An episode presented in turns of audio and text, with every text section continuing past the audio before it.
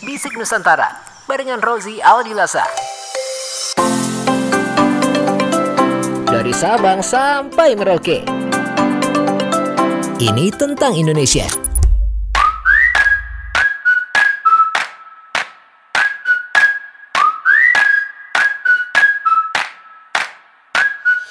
Hola, Assalamualaikum warahmatullahi wabarakatuh Halo teman Nusantara, berjumpa lagi di Bisik Nusantara.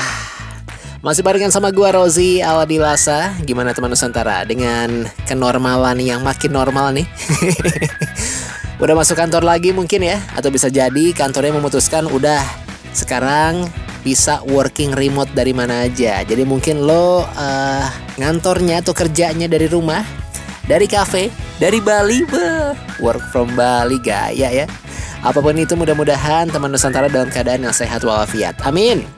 Sebelum kita mulai berkelana, mengingetin dulu teman Nusantara ya. Kalau podcast Bisik Nusantara ini bisa kamu dengerin di Spotify, Google Podcast, Apple Podcast, dan juga aplikasi Bakti Podcast.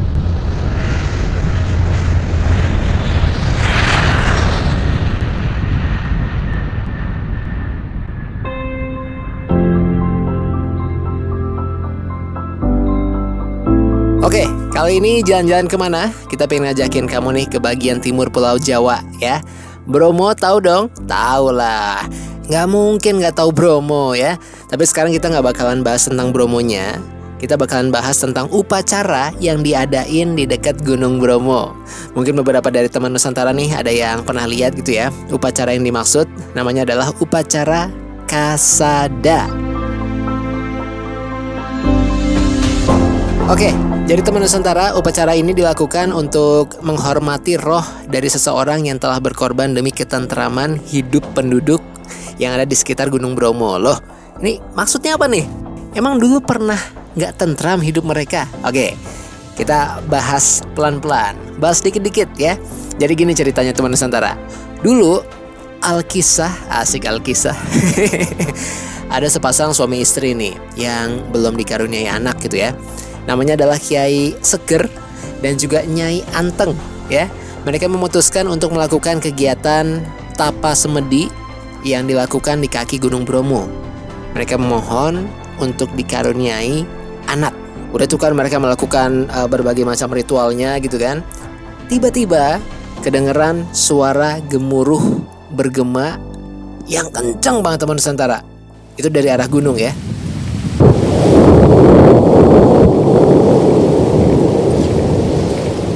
Dan tiba-tiba ada suara kayak gini. Kelak, kalian akan mempunyai 25 orang anak. Dan kalian harus mengorbankan anak pertama ke dalam kawah gunung ini.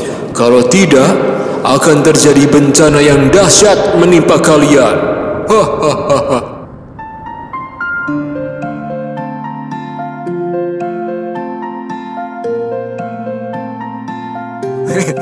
Hanya itu gue ngarang sih.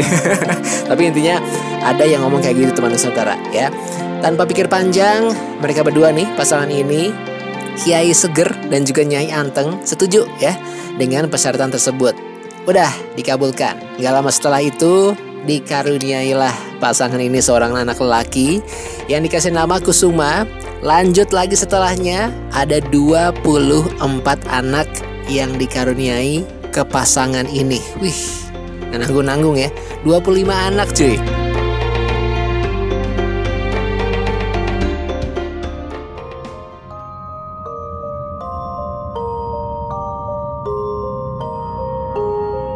Dah lagi tenang-tenang nih teman Nusantara ya.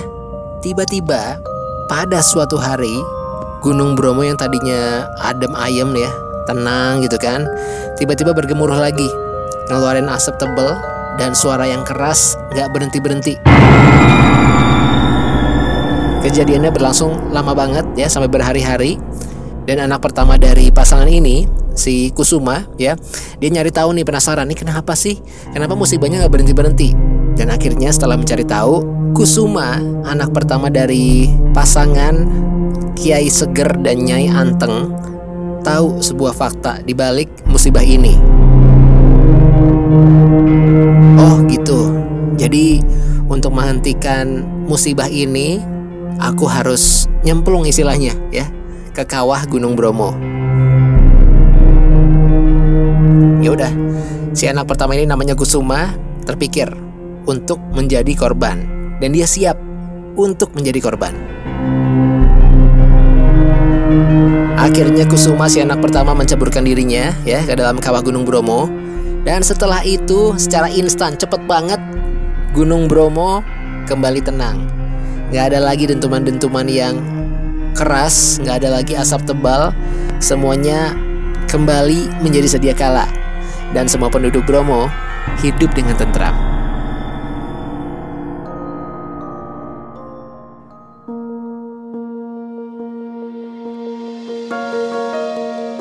Itu dia cerita di balik upacara kasada teman Nusantara ya. Tapi sekarang ini upacara kasada yang sampai detik ini masih dilakukan ya oleh warga atau suku Tengger yang ada di Jawa Timur yang ada di Bromo. Mereka tetap melakukan upacara ini tapi dengan maksud yang lain ya. Masih tetap ada agenda untuk menghormati roh si anak pertama tadi ya, si Roh Kusuma tapi, upacara kasada ini juga dilakukan teman Nusantara untuk memohon agar dijauhkan dari berbagai macam malapetaka, musibah, dan bencana di kemudian hari.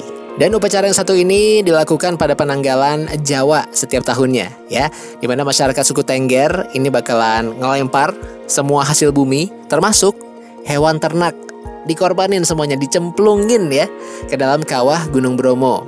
Makanya banyak yang bilang upacara kasada ini adalah hari raya korbannya ya. Kayak hari Idul Fitrinya lah.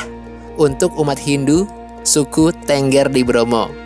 Di mana lima hari sebelum upacara diadakan ya ada banyak banget hiburan yang bisa uh, teman Nusantara lihat kalau kebetulan banget lagi ada diadain ya.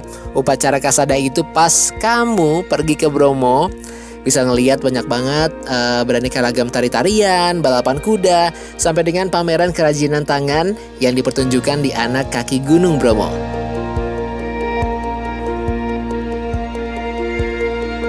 Gila seru ya. Kalau teman Nusantara hoki pas lagi ke Bromo dan kebetulan ada upacara kasada, waduh kebetulan bisa kasih tahu tentang fakta-fakta yang tadi barusan aja kita uh, ungkapkan yang kita berikan langsung di Bisik Nusantara episode kali ini. Teman Nusantara bisa kasih tahu teman-temannya cerita di balik upacara kasada itu. Jadi bisa sedikit gaya. Wih, tahu juga loh. Iya dong. Tahu lah, kan gue cinta Indonesia, Cik gitu.